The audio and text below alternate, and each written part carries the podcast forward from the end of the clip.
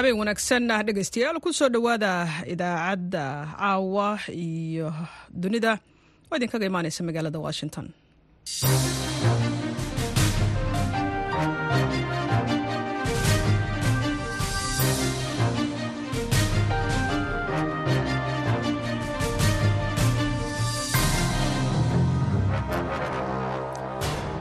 waa habeen isniin ah bisha disembar ee sanadka kana waa sideed iyo toban. Waxaad naga dhagaysanaysaan mawjadaha gaagaaban ee lix iyo tobanka iyo sagaal iyo tobanka mitrban iyo bogga v o a somaly com. Saacadda afrikada bari waa toddobadii fiidnimo magaalada washington d c waa koob iyo tobankii barqanimo.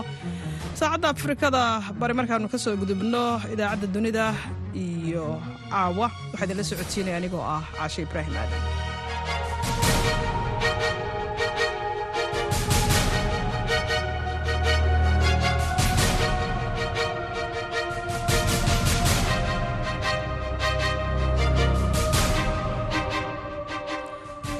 qodobada aad ku dhegaysan doontaanna idaacadda caawiya dunida waxaa ka mid ah shir ku saabsan dib u dhiska soomaaliya kadib dayn cafiska oo ka furmay magaalada baydhabo.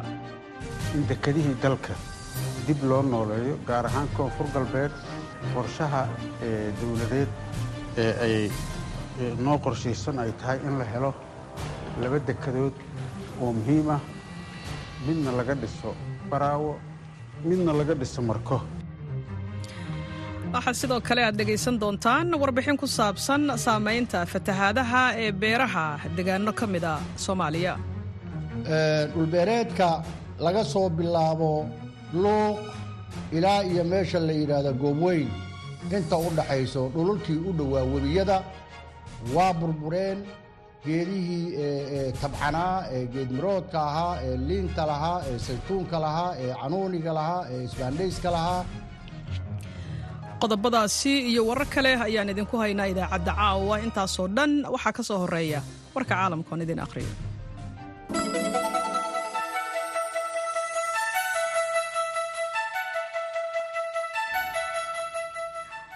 Madaxweynaha dalka masar cabdulfataax al siisi ayaa mar saddexaad ku guulaystay xilka madaxtinimo ee dalkaasi maamulka qaran ee doorashooyinka ayaa isniintan waxa ay sheegeen in alsiisi uu diiwaan geliyey siddeetan iyo sagaal dhibic lix boqolkiiba codadkii la dhiibtay. Isagoo ku tilmaamay codbixintii ugu sarreysay taariikhda dalka masar waxaana ula tartamay saddex mucaarid ah oo aan caan ahayn. Codbixintan ayaa waxaa hareeyey dagaalka israa'il iyo xamaas ee khaza ka socda ee xuduudda bari ee dalka masar kaas oo halis ugu jira qalalaaso ballaaran oo gobolka ka abuurma. Dalkan ku yaalla waqooyiga afrika ayaa sidoo kale waxa uu ku jiraa xaalad dhaqaale xumo iyada oo sicir bararka bishiiba uu kor u kacay soddon boqolkiiba. Kumanaan qof oo dhaleeceeyey dowladda ayaa la aamusiyey amaba la xiray.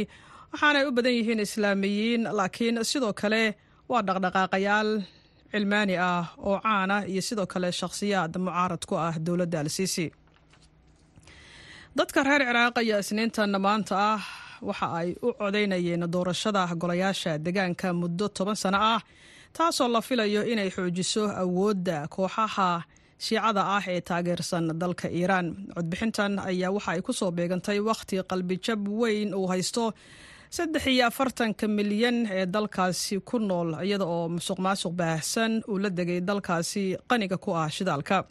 Codbixinta ayaa waxaa laga dhiibanayaa shan iyo toban gobol oo ku yaalla dalka ciraaq balse kuma jiraan saddex gobol oo kurdiyiin ah oo ku shaqeeya nidaamka go-doonka ah.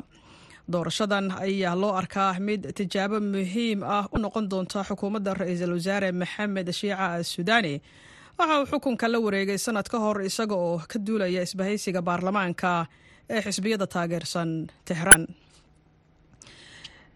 xisbiga mucaaradka ah ee dalkaasi ra'iisul wasaarihii hore ee dalka bakistan imraan khan ayaa toddobaadkan waxa uu sameeyey taariikh ku saabsan siyaasadda qaranka isagoo baahiyey fariin muuqaal ah oo sirdoon macmala uu soo saaray oo uu soo diray xogaamiyaha xabsiga ku jira isu soo bax doorasho oo xagga online-ka ah.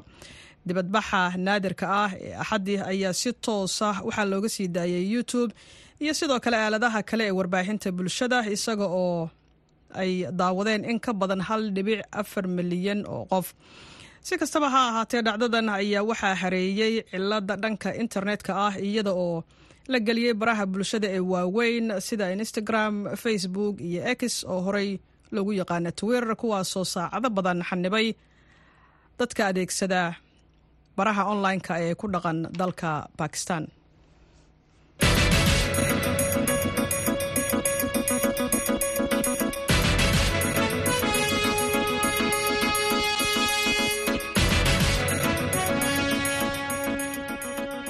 ayaan hawada idinka leenahay caweysi wanaagsan. Meel kasta oo aad nagala socotaan kadib fatahaadihii xoogganaa ee ku dhuftay deegaanada jubbaland waxaa soo baxay macluumaad dheeraad ah oo ku saabsan khasaaraha ay geysteen. Fatahaadahaasi kuwaas oo sababay barakaac soo gaaray dadka noloshooda ay ku tiirsan tahay beeraha.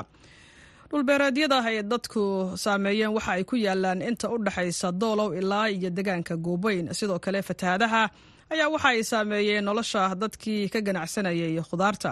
Faahfaahinta warkan waxaa magaalada kismaayo ka soo diray wariyaha v o eda aadan maxamed salaad.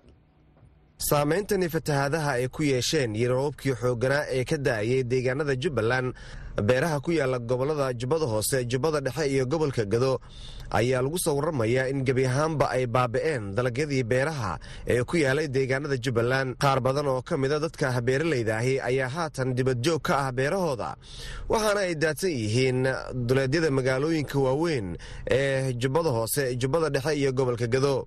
Ilaa iyo hal milyan iyo bar oo beeralay u badan ayaa waxa ay wasaaradda beeraha iyo waraabka jubbaland ay sheegtay in xilligan ay yihiin kuwa noloshooda ay aad u hoosayso islamar ahaantaana aysan jirin tabcashada beeraha ee gobollada jubbooyinka. Sidaas si la mida waxaa si weyn looga dareemay dhibaatooyinka gaaray beeralayda suuqyada waaweyn ee ku yaalla magaalada kismaayo. Inta badan haawanaya kuwaas oo aysan oolin qudaar ay dad ku ganacsadaan. Waa kuwan qaar ka mida dadka beeralayda iyo sidoo kale ganacsatada qudaarta oo aan mikrofoonka la dhex maray.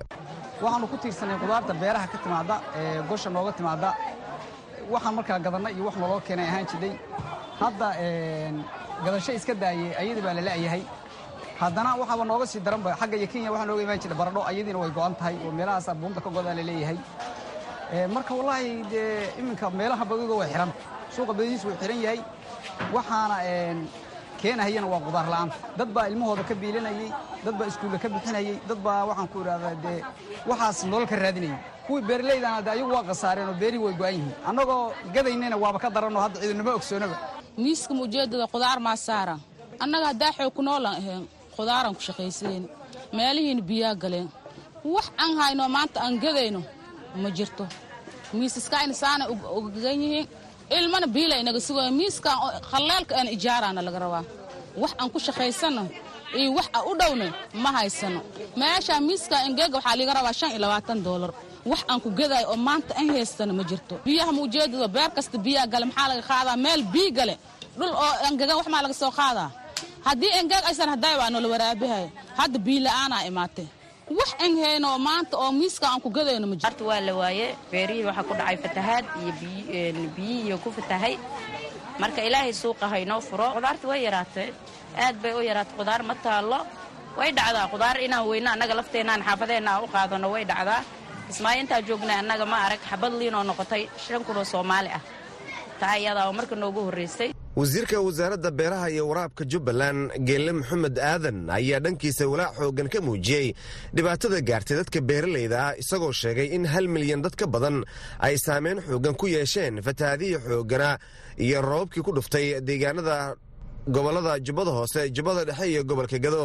Khasaaro badan baa dhacay geedmarood badan baa tegey kaashkaroob baa tegey dalag baa tegey laakiin annagu wasaarad ahaan waxaan u aragnaa dhib dhacay nimco iyo barwaaqana ay ka dambayso.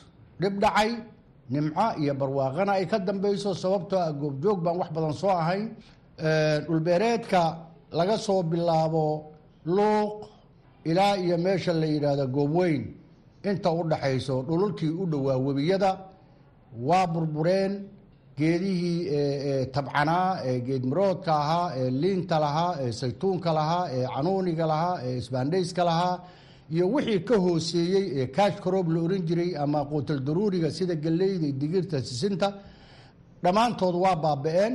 Laakiin walaalow aad bay u tira badan yihiin. Waa dadaan milyan ka badn ka yarayn. Weliba waxaan dhihi karaa milyan iyo bar qof baan dhihi karaa. Beere soomaalidu waa taqaanaa intooda badan ama river area ha noqoto ama river area ha noqoto. Waa dad beera ku tiirsan livelihood ku tiirsan wasaaradda beeraha iyo waraabka ayaa sidoo kale waxay sheegtay in ay diyaar u yihiin in ay ka qayb qaataan sidii dadka beeralayda ahay dib loogu celin lahaa beerahooda marka ay dhammaadaan biyaha xooggan ee dhex eega beerahooda sida uu mar kale sheegayo wasiirka wasaaradda beeraha iyo waraabka jubbaland geelle maxamed aadan.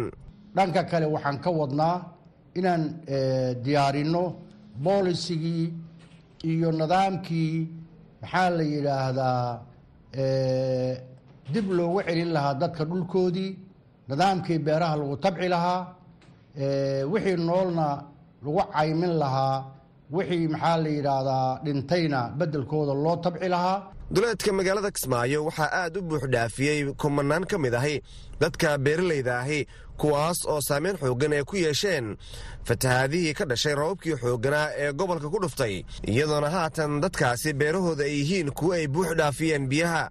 Aadan maxamed salaad v o a magaalada kismaayo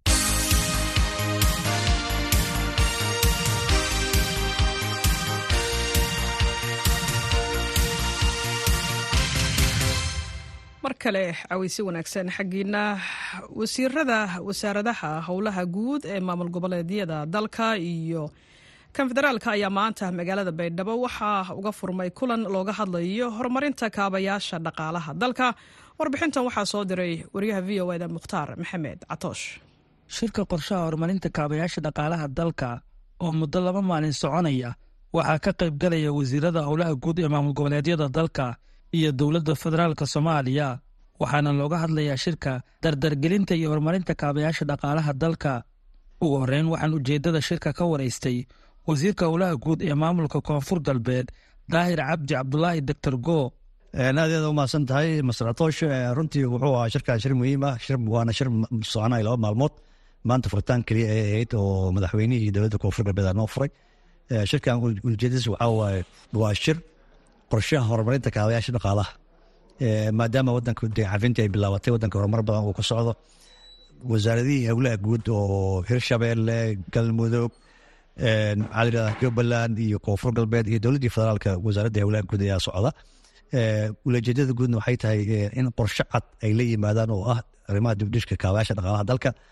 Sidoo kale inay u diyaar garoowaan maalgelinta wadanka la maalgelin doona haddii la yiraahdo waxaa u badnaan doonta maxaa la yirahdaa kaabayaasha dhaqaalaha u badnaan doonta sidoo kale waxaa u badnaan doonta maxaa la yirahdaa in la maalgeliyo kalluunkii beerihii maxaa la yidhahdaa iyo iyo iyo dibdhiskii dalka. Marka waa shir muhiim ah iyo sidoo kale shirkan wuxuu muhiim u yahay kale maadaama wadanka fatahaado badan fatahaado badan ay ka dhaceen oo gobollada qaar ay ka dhaceen in fatahaadihii ay ka hadlaan dhibaatooyinka ay geysteen waxyaalihii burburay iyo maxaa la yidhahdaa haddii ay noqon lahayd buundooyinkii haddii ay noqon lahayd garoomadii haddii ay noqon lahayd maxaa la yidhahdaa isbitaaladii haddii ay noqon lahayd in alla intii biyuhu ay dhibaatooyinka aafooyinka u geysteen bal qaabkii loo midayn lahayo loogu shaqayn lahayo istiraatiijiyad cad loogu gaari lahaa. Marka waa shir muhiim ah waktigiisana ku soo aaday. Runtii waa ku faraxsannahay in maxaa la wadanka uu horumar badan maalin maalin maalinta ugu ku talabsanay hadda waa waktigii la maalgelin lahay wadanka sidaas daraaddeedii waa in wasaaraduhu howlaha guud ay haystaan ajanda cad oo ay u diyaargarooyaan dibdhiska dalka wasiirka howlaha guud ee maamulka jubbaland cabdiwahaab cabdi cusmaan oo shirka ka hadlay ayaa sheegay dowladda horumar inaysan gaari karin inta laga horumarinayo kaabayaasha dhaqaalaha dalka kaabayaasha dhaqaaluhu xilligan waa xilliga ugu muhiimsanaa waan dhihi karnaa oo ay ku soo aadi lahayd oo dibdhiska dalka. Kaabayaasha dhaqaalaha ereyga haddii la macneeyo tusaale ahaan wuxuu noqon karaa haddii aan wadda jirin buundooyinkii la marayay aysan diyaarsanayn dekada aysan jirin xarumihii bulshada loogu shaqayn laha aysan jirinna. Wax badan baa ka dhiman. Marka waxaan rajaynaynaa insha allah inuu noqdo shirkani shirkii bilowga u ahaa aan dhammaadka ahayn lana bilaaban lahaa deen cafintaas sidii wadanka dibudhiskiisii loogu wada tallaabo qaadi lahaa madaxweynaha dowlad goboleedka koonfur galbeed soomaaliya cabdicasiis xasan maxamed laftagareen oo isna shirka ka hadlay ayaa sheegay in wadanka uu ku jiro dib u xoreyn kooxda al-shabaab. Marka la xoreeyana la gelayo dibudhis iyo in la horumariyo kaabayaasha dhaqaalaha dalka. Shirkan qorshaha horumarinta dhismaha dalka waxay tahay maalinba marxaladan joogaa dalka. Maanta muhiimadda dalka uu leeyahay waxaa socdo waxa la yidhaha dib u xoreyn oo meel fiican marayso boqolkiiba toddobaatan lagu guuleystay oo gobolladaas dhaxa oo dhan heer fiican laga gaaray. Markii dib u xoreyn ay timaado waxaa ku xigto dib u dhis markii dalkii uu xoroobo deegaanadiina la tago waddankiina uu nabad noqdo. Waxa loo baahan yahay waxaa waaye dib u dhis maantana rajo aada u fiican iyo soo kabasho iyo iftiin yaa muuqdo oo soomaalinimada ee dalka soomaaliya u muuqdo. Madaxweynaha koonfur galbeed cabdicasiis lafta garen wuxuu kaloo xusay waxyaabaha muhiimka ah inay shirkani ka soo baxaan ay ka mid tahay dib u dhiska dekadaha iyo waddooyinka dalka. Waxyaalaha ugu muhiimsan oon rabno shirkan inuu ka soo baxo oo dib u dhiska muhiimka noogu ah oo dib u xoreynta daba socda waxaa ka mid ah in dekedihii dalka dib loo nooleeyo gaar ahaan koonfur galbeed qorshaha dowladeed ee ay noo qorshaysan ay tahay in la helo laba dekedood oo muhiim ah. Midna laga dhiso baraawo midna laga dhiso marko. Labadana ay kala ahaadaan dekedaas labadaba dekeda ganacsi waaye. Midna dekedii laga dhoofin lahaa ay noqoto khudaarta xoolaha iyo wax soo saarka dalka laga dhoofin lahaa. Midna ganacsiga guud uu noqdo. Dekedaas laga dhisayo baraawo. Waxaana qorshaha anaga uu yahay jidkii baraawo ka soo baxo inuu soo maro diisoor. Diisoor uu ka baxo uu socdo uu galo etoobiya inta uu ka galo baarey ceel berde xaduudka uu ka galo mid isku xiray intaas. In la helo ganacsigaas gobolka guud isku xirayo uu noqdo oo dowladaha deriska ah meeshaas ay jidkii ganacsiga ka socon lahaa uu noqdo. Shirkan ayaa ku soo beegmayay xilli soomaaliya dhowaan laga cafiyey deymihii lagu lahaa waxaana rajo laga qabaa in horumar laga gaaro dib u dhiska dalka. Mukhtaar maxamed catoosh v o a baydhabo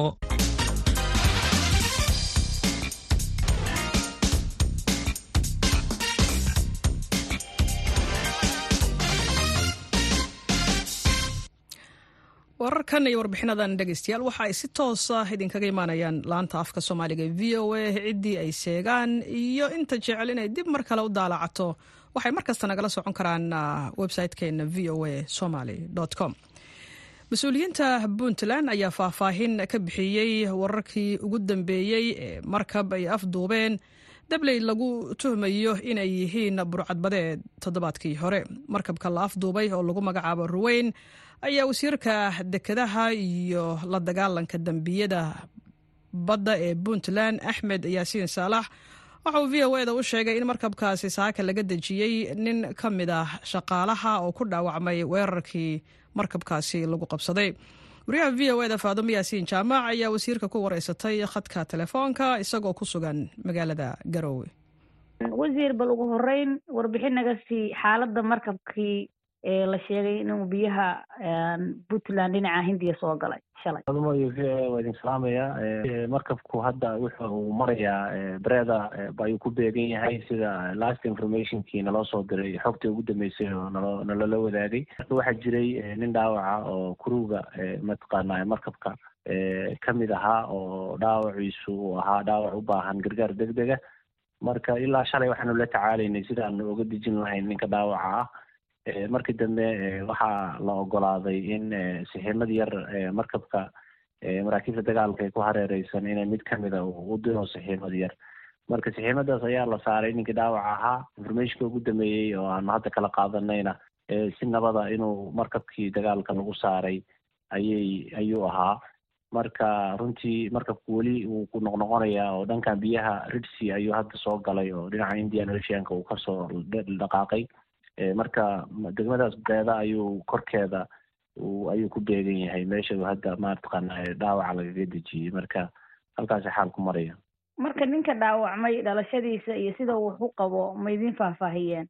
Maya waa weli waxa weye operationka korkiisa ayaa lagu shaqaynayaa. Marka waxba hadda maaragtay hawlahaasi dee ciidamada wax iskama weydiin. Marka dadka degmada bareeda ku sugan ee markabku ka agdhow yahay bidhaanta markabka ma sheegeen ma arkaan runtii markabku biyaha xeebta ma maaragtay meel laga arko malayn maayo inta maylo hadda uu jiro ma xeeb lagama arki karo. Laakiinse navigationku waxa noo tilmaamayaa inuu biyo sare joogo oo dhanka degmada bareeda inuu dha xeeb ahaan ugu beegan yahay dhinaca puntland marka xiriirka markabka qolyaha la dagaalanka burcadbadeedu see ku heleen markabku dee communicationkiisu waa la hayaa de markabku markabka waxa weeye combanigi lahaana wuu la xiriirayaa.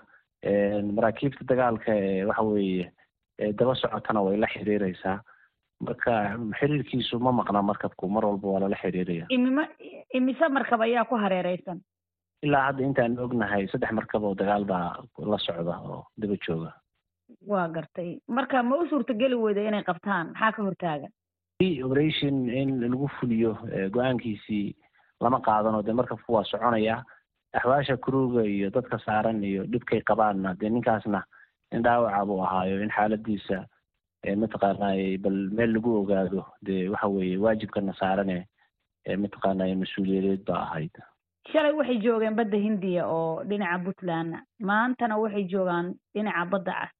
Ma meel ay ka degaan ayay rabaan runtii malaha iyagu meelay ka degaan dooni mayaane waxay rabaan inay meelahaas xeebaha ku dhow meelay ku xasilaan. De markabku waxa weeye raashin iyo saad ku filana way saaran yahay laakiin waxaan is leeyahay meelahaas meelay tagaan oo ay barosiga dhigaan oo ay mataqaana ay bay raadinayaan sida malaha iyagu yahay. Marka umalayn maayo inay maaragtay degis iyo qorshaheeda maaragtay ay ku fekerayaan waxaa tahay wasiirkii dekedaha iyo la dagaalanka dembiyada badda. Marka idiin suurto gashay inaad la xiriirtaan ragga saaran markabka ee afduubta. Waxa weeye annaga awalan horta de dembigii dhacay iyo markabka sida u soo socdo iyo barnaamijkiisa ayaa maaragtay hadda aanu la falgelaynay.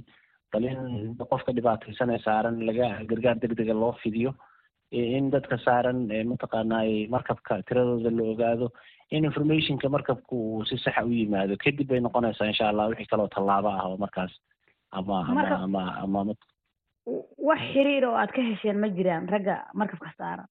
Maya anagu ilaa hadda maaragtay wax xiriir iyaga kamaanan helin. Laakiinse shirkadii markabka lahayd waa la xiriirayaan waa la hadlayaan. Iyaga ayaa informationka maan kala marka qaadanaya yaa marka xogta markabka yaa idiin soo gudbinaya de kolley almost annaga qolada navyga oo markabka markii horeba biyaha soomaaliya biyo aan ahayn oo laga soo afduubay ka soo raacay ayaanu information contactiga maadaama uu dhanka puntland u soo jahaystay iyaga ayaa nala wadaagaya oon ka wada xiriirayna waa gartay. Haddii lala xiriiray waxa ay yihiin iyo ujeedada ay markabka u qafaasheen ma sharaxeen haddii mulkiilihii markabka lahaa uu la xiriiray ragga? Weli weli weli howlahaas laislama gaarin. Waa kore ogadood weeye. Waa faldambiyeed hadda dhacay. Insha allah waxaan rajaynaynaa in mataqaanay qaab howlgal ah oo awoodeedna insha allahu lagaga dejiyo tusaalaheeda iyo cawaaqibkeedana ay ku tusaale qaataan qof walba oo isku day ku doonaya inuu mataqaanay ku dhibaateeyo gaadiid badeedka marinkan puntland waxa weye gacankan cadmeed iyo badan cas iyo badda indian oceanka inta aanu xiriir inta biyaheena puntland iyo dadka ka howlgelayana dee waxa weeye waxay unoqon doontaa cibro ay ku cibaaro qaataan haddii ilaha yidhaahdo waxaad ii sheegtay in saddex markab ay dhinac taagan yihiin markabka idinka ka puntland ahaan dhinaca beriga iyo badda wax qorshe ah oo aad ka leedihiin inaad nimankaas ku soo qabataan oo markabka aad ka dejisaan ma annagu sidaad ogsoon tahay ciidanka ilaalada badda b m p f waxay xarumo kuleeyihiin xaafuun baargaal. Inta xeebta waxa weye marsooyin fara badan bay joogaan oo ciidanku diyaar ku yihiin. Wayna ku fulan yihiin howlgal inay fuliyaan marka uu markabkaasi biyaha puntland uu barosiga soo dhigto. Marka insha allah waxaan rajaynaynaa ciidankaasi waa ciidanka bastigiisa iyo awoodiisa iska leh inay fuliyaan dhanka beriga iyo iyo iyo biyahayaga waxa weeye oo dhanka xeebaha waxa weye marka uu ku soo dhawaado marka siday ahaan jirtayna waxaan rajaynaynaa insha allahu inaanu tallaabo sharciyeed ka qaadno hadduu markabkaasi soo soo soo soo barosiga soo dhigto biyaha puntland. Kaasi waxa uu ahaa wasiirka dekedaha iyo la dagaalanka dembiyada badda ee puntland. Axmed yaasiin saalax waxa uu waramayey waryaha v o e da faadimo yaasiin jaamac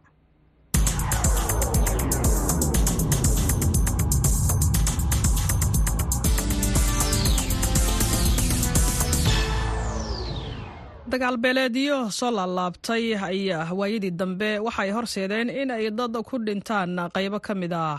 Gobolka shabeellaha dhexe kii ugu dambeeyey ayaa beelo ay isku dileen maalmihii la soo dhaafay degaano hoostaga degmada mahadaay ciidamo ka socda.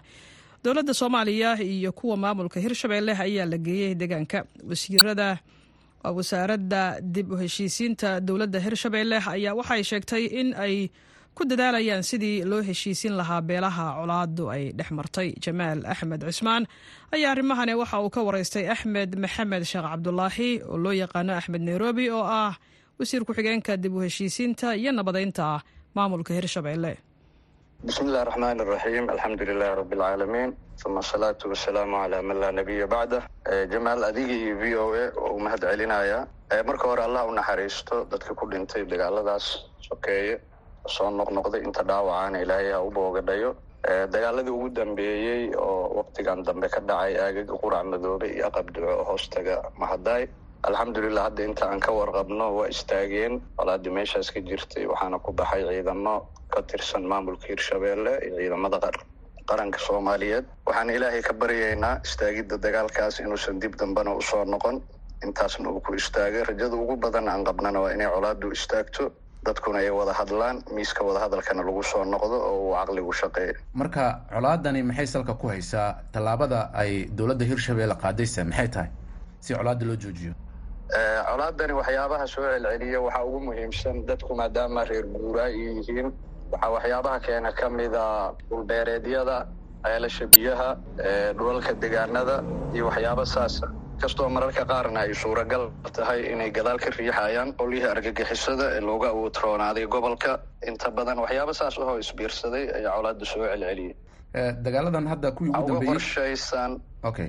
Waxaan uga qorshaysan wasaaradda dib u heshiisiinta iyo hirshabeelle iyo guud ahaan maamulka hirshabeelle in wadahadal lagu dhammeeyo dagaaladana ay istaagaan dadkuna ay ku soo noqdaan. Maadaama dadku aysan kala tegaynin la wada dhashay meeshana la wada joogaayo waxaa aada u wanaagsan in la wada hadlo. Miiska wadahadalkana wax walba ay ku dhammaadaan. Rajada badan rajada ugu badan ee aan qabnana waa midaas wararkana soo gaaray waxay sheegayaan in ciidamo nabad sugidda iyo kuwo kale ciidanka dowladda soomaaliya ay la dhex dhigay meelihii ay beeluhu ku dagaalameen. Arrintaasi maxaad faahfaahin naga siin kartaa? Ciidamadaas waa ku baxeen agaga waana loo diray si colaada bal marka hore loo joojiyo. Wixii dhacayna looga wada hadlo markii ka dambeyso haddaana hadda colaada aysan joogsanin suuragal ma ahan in la wada hadlo. Ciidamaduna aago hadda waa tageen dagaaladiina waa joogsadeen ogaanteen. Wasaaradda dib u heshiisiinta hirshabeelle doorka kaga aadan arrimahan colaadahan soo lalaabtay intee buu gaadhsiisan yahay sidii loo joojin lahaa oo beeluhuna ay wada hadlaan oo colaadaasi aysan dib dambe u soo laabanin walaa wasaaradda dib u heshiisiinta dadaalkeeda ugu badan waxay ku bixisaa in dadka la kulmiyo in dheergaradkooda la kulmiyo siyaasiyiintii dhaqankii culamaa udiinkii la isu keeno laga wada hadlo ubucda dagaalkan asalka u ah kadibna dadku ay wada joogaan sidaasna nabad lagu gaaro.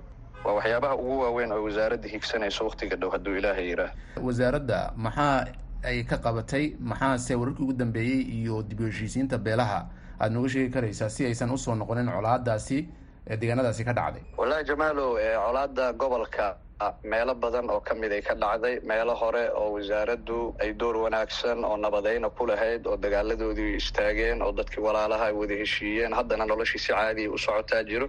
Meelaha kale oo ay ka soo cusboonaanayana idin ilaahay waxaan rajaynaynaa in salamida ay u soo dhammaadaan. Rajada ugu badan ee aan qabnana waxay tahay in arrimahani ay iska dhammaan doonaan sida ugu wanaagsanna loo wajihi doono. Waxaad og tahay maamulka hirshabeelle oo madaxweyne cali ugu horeeyo waxay gogol socotay muddo toddoba sano wax ku dhow ah taalay gobolka shabeellaha dhexe taasoo looga hadlayay beelo walaalo ah oo isdilay arrintoodii si loogu dhammayn lahaa. Marka waxaad moodaa in arrimihii ay badanayaan maalinba meel cusub wax laga soo sheegayo culeyskeedana waa leedahay laakiin dadaalku ma reebano waa dadaalaynaa hadduu ilaahay yidhaah. Ugu dambeyn maxaad soo jeedinaysaa aada ku soo gebagabeynaysaa adigoo ka faa'iidaysanaya fursaddani wallahi waxaan ku soo gebagabeynayaa oo cod dheer aan ku leenahay ka wasaarad ahaan in colaaddu u istaagto colaaddu wax fiican ma ahan dadka walaalaha ahi kala dirtaa. Maanta soomaaliya waxay u jeesatay kasab iyo tacliin waddankii waa xoroobay. Waxaan jeclaan lahayn dadkeennu inay fursaddaas arkaan oo ay ka tagaan waxa noloshooda iyo dadnimadooda dib u dhigi karo. Waana u ducaynaynaa in ilaahay waddada wanaagsan uu waafajiyo kaasi waxa uu ahaa axmed maxamed sheekh cabdulaahi wasiir ku-xigeenka dib u heshiisiinta iyo nabadeynta maamulka hirshabeelle waxa uu waramayey jamaal axmed cusmaan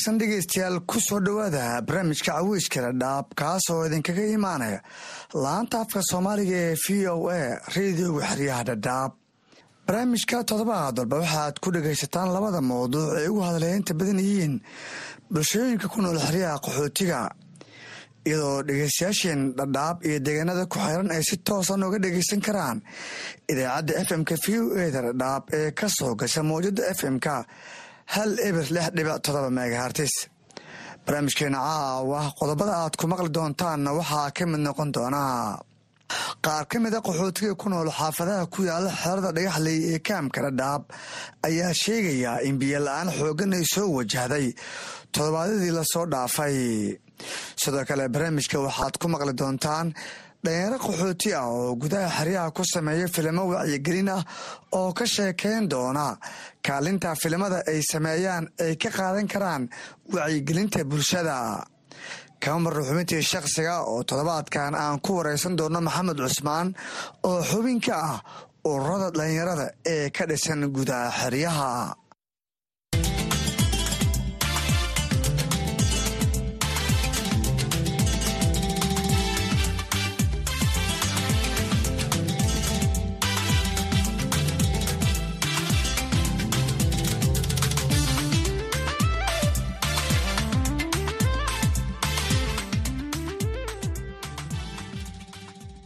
barnaamijka waxaa idinla socodsiinaya anigoo ah cabdisalaan axmed. Biyiyarida ay ka cabanayaan qaxootiga ku jira xeryaha dhadhaab ayaa taagneed tan iyo laba kun sagaal iyo toban. Xilligaas oo hay'adaha gargaarka ay soo wajahday dhaqaale la'aan saamayntoosa ku yeelatay sanduuqa dhaqaale ee looga adeego qaxootiga ku jira xeryaha. Inkastoo biyo la'aantu ay kaalin ku yeelan karto isbeddelka cimilada iyo abaaraha gobolka ku batay haddana hay'adaha ku shaqada leh biyaha ayaa wado. Dadaalo lagu haqabtirayo ariiriga biyo la'aaneed ee ka taagan qayba ka mid ah xaafadaha qaxootiga. Xerada dhagaxley oo saldhig u ah qaxooti ka badan sagaashan kun oo qoys waxaa xilligan ka jira biyo la'aan baahsan oo ka taagan xaafadaha dhaca galbeedka xeradaasi sida sakshanada h iyo g oo saldhig u ah qaxootigii dhexe ee shan iyo toban sano ka hor soo gaaray kaamka dhadhaab. Faadimo mukhtaar maxamed oo ka mid a qaxootigaasi ayaan ka wareysanay heerka biyo la'aaneed ay haatan ay ku nool yihiin. Waxaan ku nool yahay balooga hajsigiis la yidhaahdo laba bilood. Intaas baan horta biyola-aan ahaa. Maantadan haddaan runtayda ka hadlo oo maarata balooga dhibkiisa aniga aan ka hadlo waa saddex bilood inaan biyola-aan aan ahayn. Waagu roobka joogana aan haamaha dhigana jirna masharaafka roobka hadduu naga go'ana ma aragta aan aad iyo aad aan u dhibaatoonnay. Oon marna iskuulladii oo ilmihii ku xaraysan yihiin biyo aan ka raadinayno. Meel kastana wejigeenna ma arata uu ku batay.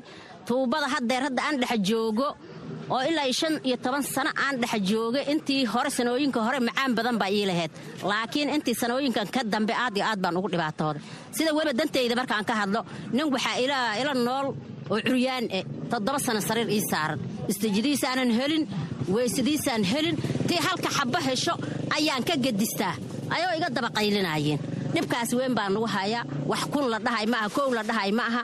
Dadkii dhammaan hajsigiis baloogyahaasoo dhan bacleey ka gees ka gees. Annaga oonkaasaa nahayaa inay ma aragtay nolosheenna xagga biyaha. Badarka maasha allah waa haysanaa. Biyihii noloshii wixii baa nugu adag. Dagaalayno taasle laba isma weydinayno. Caaganayda wuu ka horreeya iyo maanta oo dhan xisaabun baan hayna oraxdaa noogu dhacda. Marna asagoo haafaan ka qaataa mar asagoo bar ahaan ka qaataa mar asagoo buuxaan ka qaataa marna maba helo caagayda dhanaan iskala guuraa baan isu dhibsanna dadka deriska. Aad iyo aad baan isu dhibsanna dadka deriska eh oo walaalka aan isku ahayn. Markaan wax yar aan isla helnana kistoo maskaxdaa noo degi. Biyihii haddii haafaaf nagu noqotona annagoo dhanaba isnacnaba markanaydo waxaa taasoo dhanba nooga sii daran markaan xaafadaha kore aan sii aadno laba beri aan joogno. Waxaana la dhaha baloogyahan oon badanaa mar kastaba erid bay noo taagan yihiin. Meelaan ku dhaqaaqnaaba garan weysana hay'adaha waxaan ka codsanaynaa inay si dhaqsi eh annaga weliba tuubada aan dhex joogno hajsigiise leenkii biyaha noo soo maraayeen iyo motoorkii noo soo bixinaayo ayaaba meel lagu haysan marka dhibka na haayo ayaa taas eh. Aad bay u mahadsantahay taasna waxay ahayd faadumo mukhtaar maxamed oo noogu warantay gudaha xeryaha dhadhaab ee gobolka waqooyi bari qoysaska ballaaran iyo kuwa haysto dadka da'da ah ayaa culayska ugu badan ku qaba biyo la'aanta kuwaasoo maalintii aan heli karin afartan liitar oo biyo ah taas oo sawir xoogan ka bixinaysa heerka ay gaarsiisan tahay. Biyo la'aanta ka jirta qayba ka mid a xerada dhagaxley ee kaamka dhadhaab. Waa kuwan qaar ka mid a dumarka qaxootiga ah oo la hadlay barnaamijka caweyska dhadhaab ee warbaahinta v o a. Dhool baa lii dhahaa. Biyaha waxaan ka cabnaa hal koo jirgaan waaga markuu beriya hal jirgaan oo gobolna kuu dhacay waa yeelo kuu joogaan oo curyaamo yihiin oo sokor la qabo oo dhiikor la qabo oo qabeysku baahan yihiin oo daahiradu baahan yihiin oo weysadii wax walba loo baahan yahay. Hal jirgaan wayna anficilaadahay marka biila'aan meesha waxaan ku qabnaa baahan marka ilmihii dugsiay ka imaadaan farxalkay u baahan yihiin. Marka ilmihii waxay u baahan yihiin marwab nadaafadoodna la socda halka jirgaan nadaafadna ma galo. Qabees ma gala cabitaan ma galo.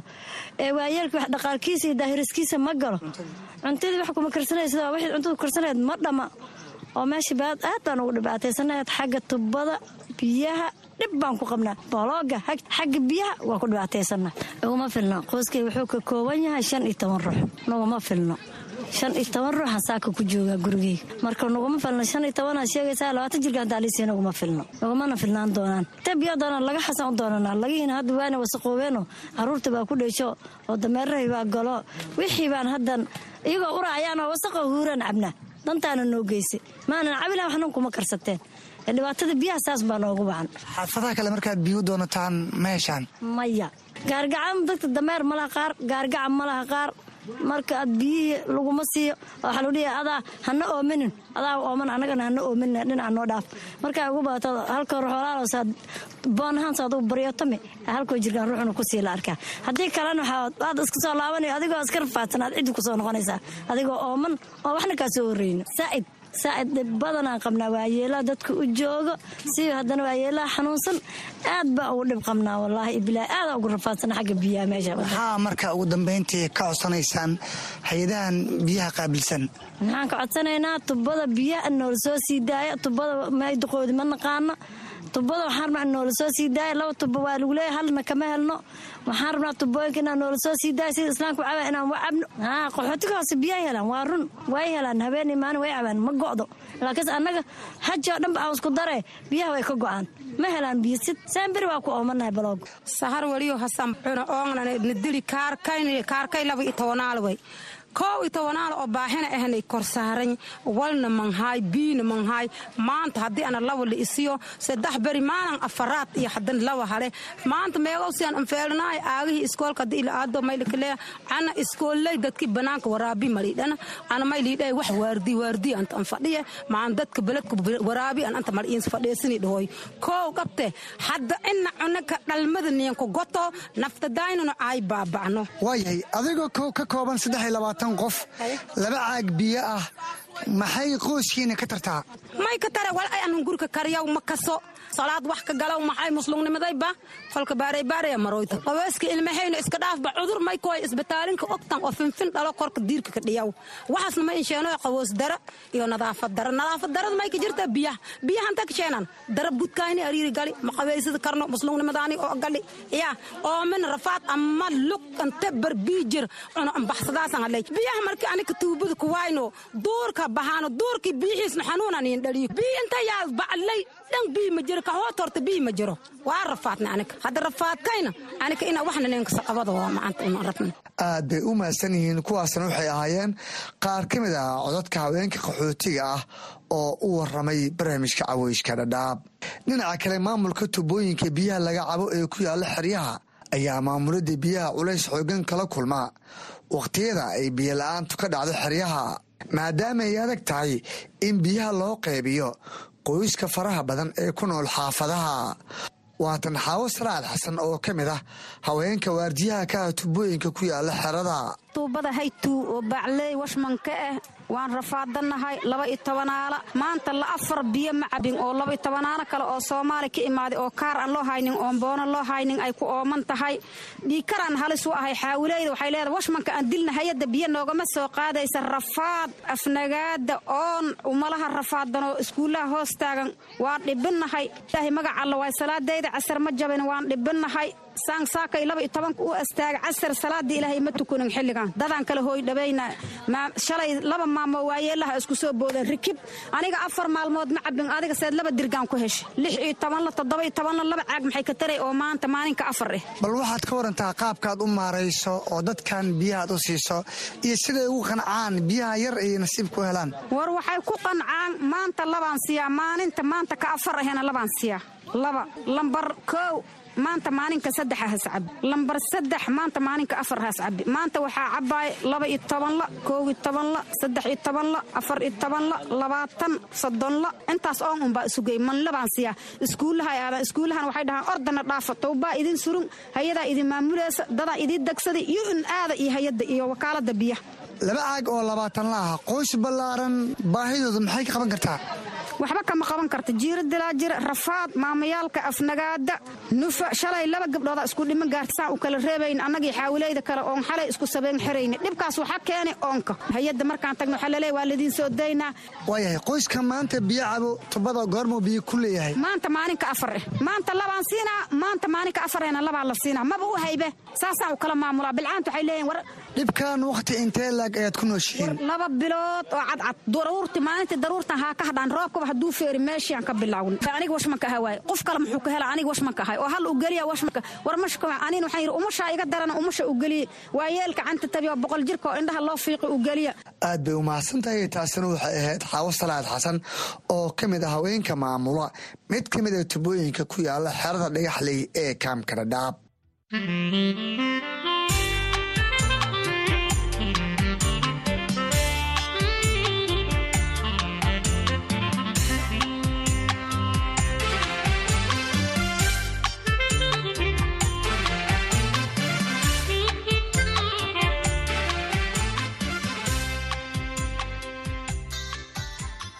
waa hagaag. Waxaan soo gaarnay qaybihii dhexe ee barnaamijka caweyska oo si toosa idinkaga imaanaya la'aanta afka soomaaliga ee v o a. Waxaa idinku soo maqan sheekooyin kale oo ku aadan isla wararka qaxootiga balse iminka idinku wareejiya oo saaxiibkay axmed cabdulaahi jaamac oo sida ay ula sugan si uu nagu soo tabiyo barnaamijka qaybihiisa kale. Mahadsaned cabdisalaan axmed dhegaystayaal waxaad nagala socotaan barnaamijka caweyska dhadhaab o aad ka dhegaysanaysaan laanta afka soomaaliga ee idaacadda v o a. Waxaanuu barnaamijku si toos idinkaga imanayaa xeryaha dhadhaab ee gobolka waqooyi bari ee kenya. Ku soo dhowaada warbixinno kale oo la xiriira nolosha dadka ku nool xeryaha qaxootiga oo qayb ka ah barnaamijka caweyska dhadhaab ee toddobaadkan. Waxaa ka mid a qodobada aad ku maqli doontaan xubintii shakhsiga oo toddobaadkan uu marti noogu yahay maxamed cismaan oo ka mid a dhallinyarada xeryaha qaxootiga oo aan ka waraystay sharci cusub oo ay dowladda kenya doonayso inay ku dhaqdo qaxootiga ku sugan dalkeeda iyo xuquuqaha uu sharcigaasi siinayo qaxootiga. Waxaad kale oo maqli doontaan koox dhallinyaro ah oo filimaan wacyigelina ka sameeya xeryaha qaxootiga oo ka hadlaya sida filimada ay sameeyaan ay kaalin uga qaadan karaan wacyigelinta bulshada. Haddii aan ku bilaabo dhegaystayaal xubinta shakhsiga dadka ku nool xeryaha qaxootiga ee dhadhaab ayaa rajeynaya dhowaan inuu dhaqan galo.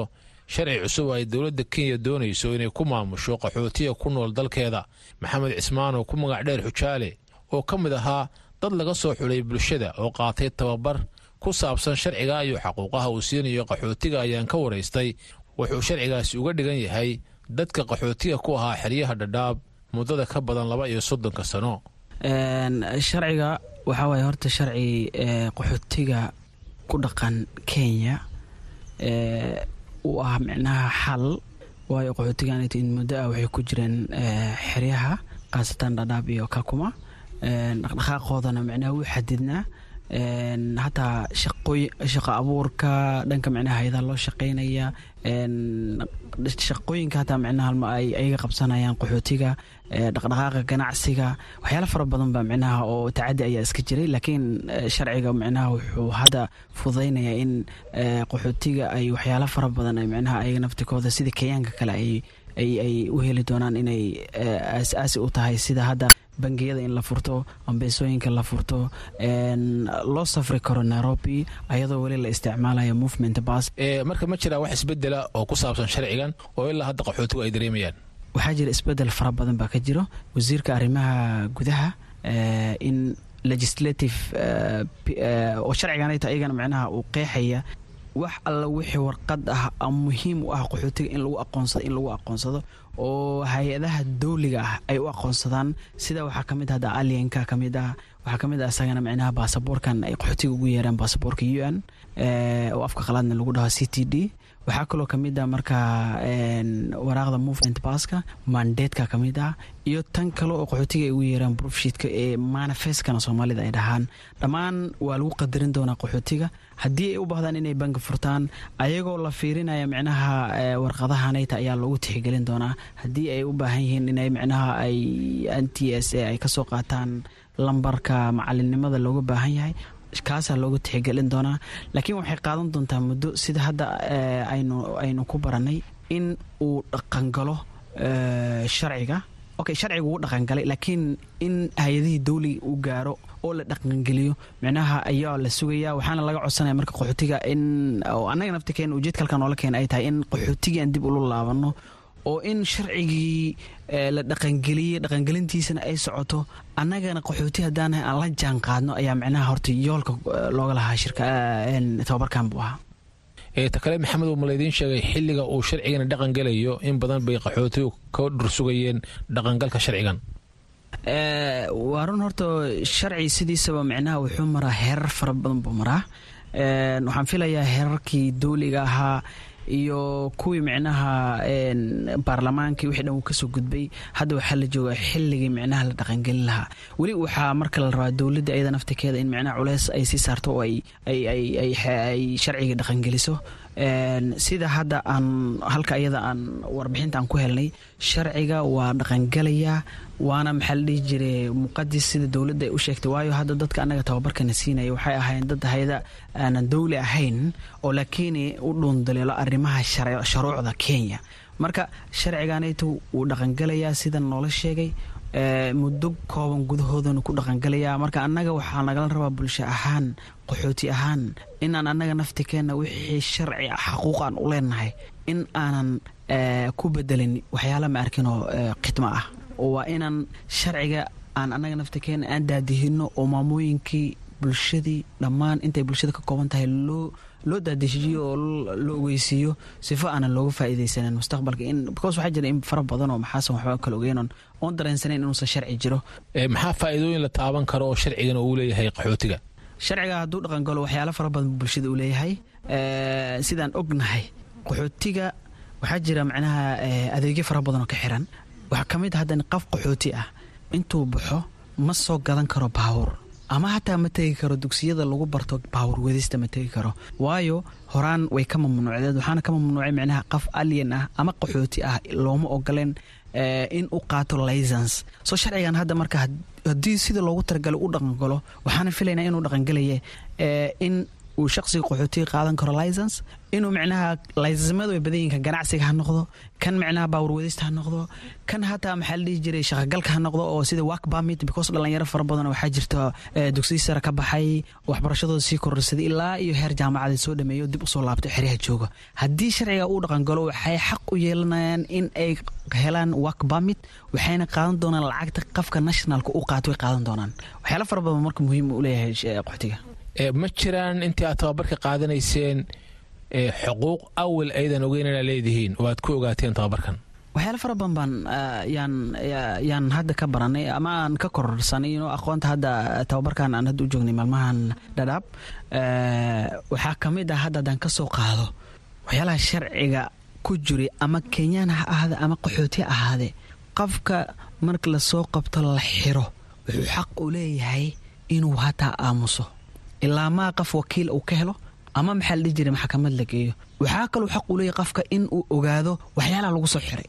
Horaan marka dad qaxootiga markaa fiiriso taa ma ka wada dharagsano oo xaquuqdooda ma garanayaan. Waxaa kaloo markaan xaq u leenahay ilaa maa qofkaasaytu qof wakiil u helo inuu aamusnaado. Waad aragtay kollo maxaa la dhihi jiray? Adna kollo waxa laga yaba inaad in badan aad socotay qaxootiga aad dhex qof waxaad arkaysaa bilacmanalaan laisaga soo qabtay oo qofkii stationka la geeyey bulshada way is aruursanaysaa lacaga la daba qaadi waa la soo siidaan taas marka iyada naftikeeda waxaa weeye waxyaala lid ku ah inoo xaquuqda aadanaha waayo qofka wuxuu xaq u leeyahay wixii lagu soo qabtay in uu ogaado. Yuu xaq u leeyahay. Waxaa kaloon xaq u leenahay qofka bili-aadanka ama qaxootihaada ama kenyaana oo hada waxaa xaquuq ah ay ka wada saman waxbarashada. Qof walba inuu waxbarasho u helo asaasi ah.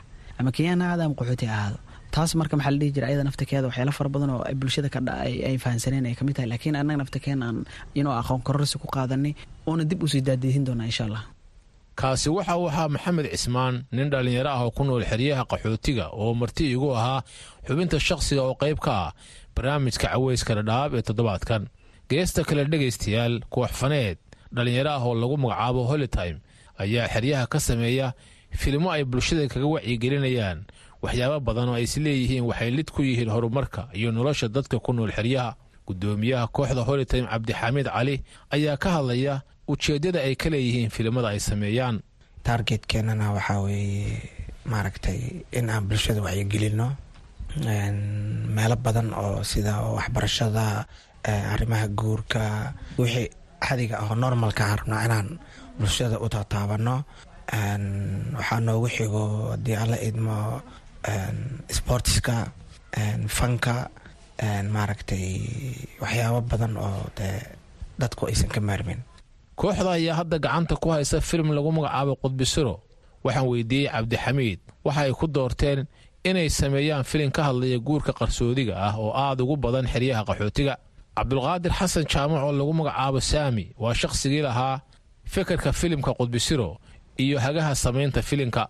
Waxaan weydiiyey sida uu ku yimi fikirka filimkan xeryaha qaxootiga hadda aan ku nool nahay annaga dhallinyaro ahaan way nagu soo laalaabataa ereyga qudbasiro ama aan doonno ama hana loo doono ereyga qudbasiro way nagu soo laalaabataa filimkanna wuxuu xambaarsan yahay waxyaabo kala duwan. Sida hadda inuu ka hadlo in gabar qudbasiro lagu qasbo. Ayadoo qasabka lagu qasba aan ku leeyahay ay tahay in dhibaato kaga imaata reerkooda ay nin kale ku gasho ayadoo nin tolkeeda kale ka cararaysa ama abtigeed ama inaadeerkeed inay nin jecleed ay la cararto. Ta koowaad taas waaye. Tan labaad in qof yar ayadoo ah oo da aan gaarin qalbiga inta laga hado lagana dhaadhacsiiyey inay wax wanaagsan taha qudbasirada taasoo kaleetan inay ku imaato. Wuxuu kaloona xambaarsan yahay in duruufaha la iskaga faa'iidaysto.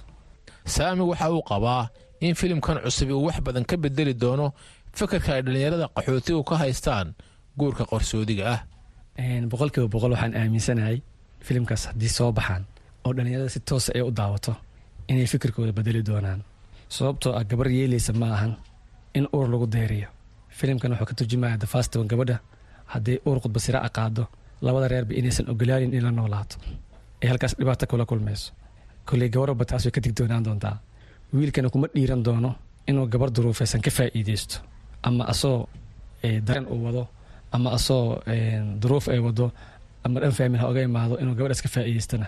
Ma ku dhiiran doono maadaama filimkan uu yahay filim bilaaw ilaa dhammaad isku tafatiran qoran diyaarsan la soo diyaariyey bajed walbana kaga hadli kara filimka. Nasteexa maxamed axmed oo ka mid a gabdhaha ku jira filimka qudbisiro ayaa ka hadlaysa waxay ku dooratay inay jilaan noqoto iyadoo bulshada qaarkeed ay fikir aan wanaagsanayn ka haystaan in gabadh ay filin jisho waxaan arkay waxyaalo badan oo adduunka ka jiro iyo dhibaatooyin badan iyo waxa hadda adduunka ka taagan yahay. Markaan arkay arrintaas waxaan jeclaystay inaan jilaan noqdo oo dadka aan wax u kordhiyo. Sifa aan u madalo gabdhaha soomaaliyeed oo aan u matalo inaan ahay gabadha soomaaliya keli ah oo jili karto filin qiso dhacayso mise wax jiro oo dhibaatooyin keenay samayn karto.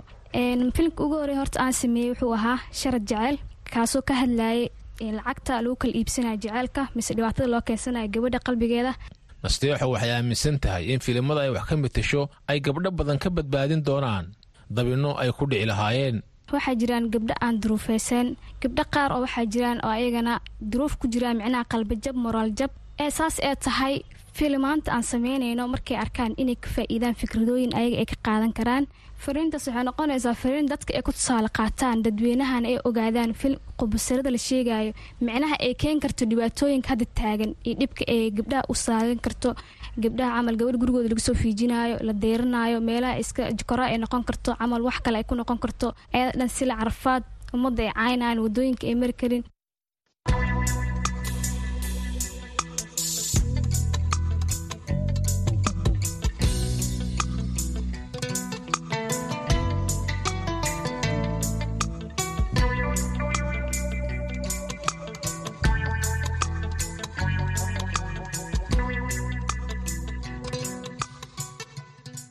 dhegaystayaal. Inta ayuu inoogu ogyahay barnaamijkii caweyska dhadhaab ee toddobaadkan oo qaybtiisa dambe aan idinla socodsiinayey anigoo axmed cabdulaahi jaamaca. Intase aanan ka bixin aan mar kale dib idinku celiyo saaxiibkay cabdisalaan axmed cabdisalaan oo barnaamijka ila daadihinayey mahadsanid axmed dheere dhegaystayaal haatanna aan ku nasanno mid ka mida kaalimaha sugaanta